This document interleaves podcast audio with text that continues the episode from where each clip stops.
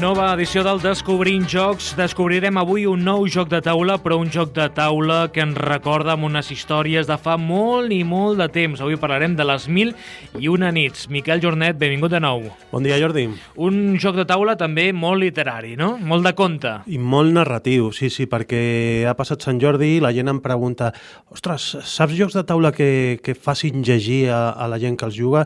I existeixen. I, i una molt bona opció és aquest eh, Les mil i una noches que acaben de treure de Vir, que és un joc antic però amb una segona edició que ha costat anys i anys fins tenir-ho en, en castellà. Uh, estem parlant d'un joc molt ben il·lustrat, de detalls molt macos, en parlarem avui, però abans, Miquel, fem la, fem la fitxa. Fem la fitxa. Nom del joc. Sí, és Les mil i una noches. És un joc del 1985 que va tenir una segona edició del 2009 també en anglès, però que no ha sortit en castellà fins al 2016. L'autor?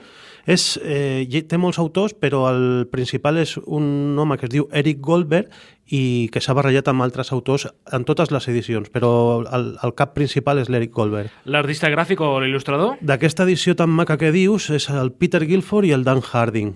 Editorial? De Vir. Número de jugadors? De dos a sis jugadors, però també es pot jugar en solitari i diuen que el millor número per jugar-ho és a 3. Edat recomanable? A partir de 14 anys. Temps de la partida?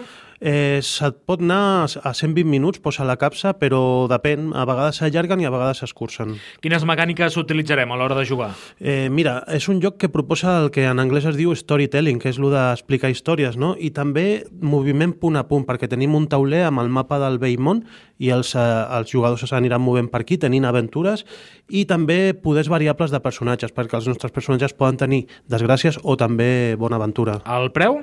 60 euros. La nota? Ara mateix a la Board Game Geek té un 7 amb 30.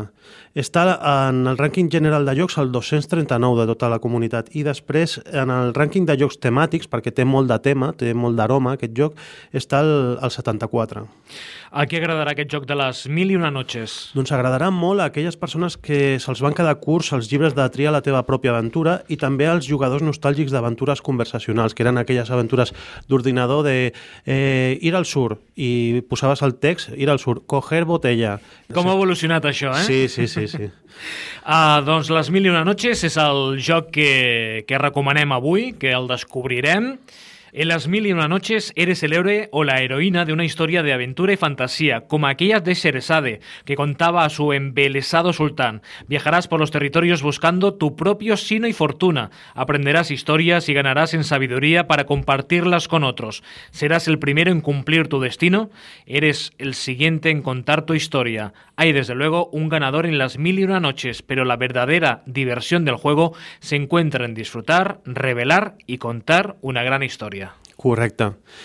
És un joc que, bueno, el preu crida una mica l'atenció, tampoc és car per tota la quantitat de components que porta i la capsa que és, són 60 euros, però jo diria que és dels jocs de la meva ludoteca que més pesen, perquè quan l'agafes porta aquesta llibreta tan gran que et passo ara perquè la supessis una mica, eh, pesa, eh? I tota aquesta llibreta són les trames que et pots trobar, perquè els jugadors primer tenen una customització inicial. La customització vol dir que trien algunes característiques inicials dels seus eh, personatges, eh, una mica com els antics jocs de rol, però eh, fins i tot tenen la possibilitat de triar si Aladdin vol ser dona o vol ser home. Tries el sexe, tries eh, diferents atributs i a partir d'aquí comences. Tots els jugadors comencen a Bagdad i es van movent eh, per una sèrie de búsquedes, que són missions que han de fer en aquest tauler, que també és una carta que se'ls assigna d'inici, i aquestes búsquedes els hi enviaran als diferents racons del vell món, no? que bueno, surt aquí fins i tot la península ibèrica, tota l'Àsia, no surt a Amèrica, surt també al nord d'Àfrica, que és una mica els escenaris de, del, del llibre de les mil i una nits. No? els jugadors es mouen intentant fer aquestes coses i de la customització aquesta inicial eh, de la preparació del seu personatge també han de triar 20 punts, dividir-los entre Sino i Història.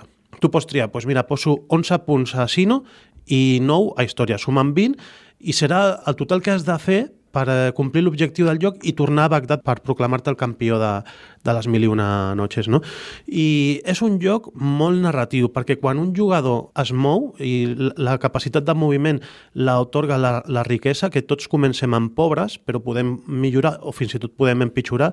Si ets pobre, pots moure't per, eh, pels espais de terra fins a tres moviments i pels espais de mar dos, però quan ets ric doncs pots moure eh, 4 i 4, o sigui, això és bastant temàtic. Si tens eh, més eh, capacitat econòmica et podràs moure més pel mapa. I és una cosa que interessa anar trobant tresors, anar, anar millorant la riquesa per moure't. Quan arribes a una ciutat, obres una, una carta d'aquestes que es diu d'encuentro. Als encuentros et pots trobar coses, et pots trobar tresors, et pots trobar personatges, et pots trobar també eh, ciutats, i és aquesta carta la que enviarà als altres jugadors que no estan entorn a una graella, que és una graella d'aquí, i al llibre de trames. Segons els daus, perquè té tirades de daus, la gent que veu els daus es pensa que són els daus per moure. No, no, els daus és una vegada s'ha arribat amb la teva capacitat de moviment eh, en funció de la teva riquesa a un lloc, els daus serà per veure el que et passa en aquell lloc i aquest dau i aquesta, aquesta graella i aquest, aquest llibre de trames faran els altres jugadors llegir-te el que et passa allà. I per això diuen que és com un tria la teva pròpia aventura, però... Una mica de rol també, no? Dels sí, jocs de rol. Sí, sí. Aquest joc agrada molt, sí, a la gent que ve del rol, a la gent també que, que ve dels llibres d'aquells de, de, de triar la teva aventura i és molt xulo perquè et passen coses i a vegades els altres jugadors que no estan en torn no estan jugant però sí que t'estan facilitant tota la informació. Ells formen part del mitjà de lloc, o sigui, eh, no, són jugadors però alhora també fan que el joc funcioni, són com una peça clau també en el joc. Eh, et llegiran cosetes que, que t'aniran passant. Per tant, eh, abans has dit 120 minuts, eh, normalment parles de jocs de taula de 20-30 minuts, inclús alguns de, de, de menys. Aquest és d'aquells jocs eh, de dedicar-li una bona estona, de, de, de compartir, de, de, de gaudir i sobretot de, de llegir. Eh? Sí, sí, eh, fomenta molt el tema de la lectura. És un lloc que se li nota que és dels anys 80, és, és el lloc que a mi m'hauria agradat tenir quan jo era petit per passar-me una tarda sencera explorant el que em podia passar, no? I és això, que moltes vegades eh, el que li podem eh, tirar una mica en contra al lloc és que, que tens poc control, perquè a vegades és, és bastant graciós que la gent que tria les millors opcions eh, després les trames li resulten que tot té molt mala sort i després, a lo millor, un que tria malament es troba un mendigo i el mendigo què li fas? En comptes d'ajudar-li, li robes al mendigo. Doncs pues, a lo millor aquest li passen coses bones. O sigui que, que entre els amics diem, ostres, a vegades el, el, me, el més cabró és el que té més sort i a, i a, i a l'inversa. Eh, tenim el dubte de si alguna persona versada en el tema de les mil i una nits si triaria mm, les opcions eh, més optimitzades o no mm, creiem que igual pot tenir alguna, algun tipus d'avantatge algú que hagi llegit eh, les històries aquestes o igual no, no sé. És un lloc que té també daus, té, té fortuna, però que tu passes bé fins i tot en els tons que no són els teus, perquè li has d'explicar, de, i a vegades només llegint el que li passa a un altre jugador ja comences a riure perquè dius, hòstia, qui, qui, qui has triat? Que desgraciat que és. Sí, sí. doncs les mil i una nits, mil, les mil i una noches, eh, aquest joc de taula que recomanem avui en, en aquest espai del Descobrint Jocs. Alguna cosa més, Miquel, sí. abans de posar la, la música final? La música introductòria. Sí, mira, és un joc que quan, quan t'ho expliquen, a mi, per exemple, dius, hòstia, li aniria molt bé una app, una aplicació que no faci llegir-te, que no et faci anar a la graella aquesta, que no faci llegir-te la trama, que te l'expliqui, que fins i tot tingui un vídeo, no sé què, però ja no seria el mateix. És un joc que quan el juguem ens, ens hem de posar a la pell com si viatgéssim en el DeLorean de Regreso al Futuro ens anéssim als 80 i gaudir com, com si siguéssim els nens d'aquella època amb un joc que, que dius, molt paper, una llibreta, un sistema molt antic, però t'has d'oblidar d'això perquè jo crec que seria molt menys atractiu si, si estigués automatitzat.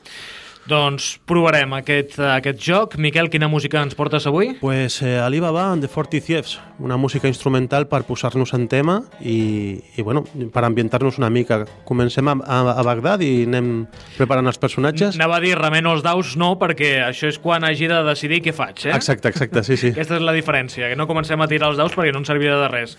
Doncs, això té les seves normes. Sí, tria personatge, tria sexe, doncs Pots... ara, ara ho triem. Pot ser Aladín femella? sí, sí. Doncs és això. Eh, prepara't perquè estarem dues horetes ben bones, eh?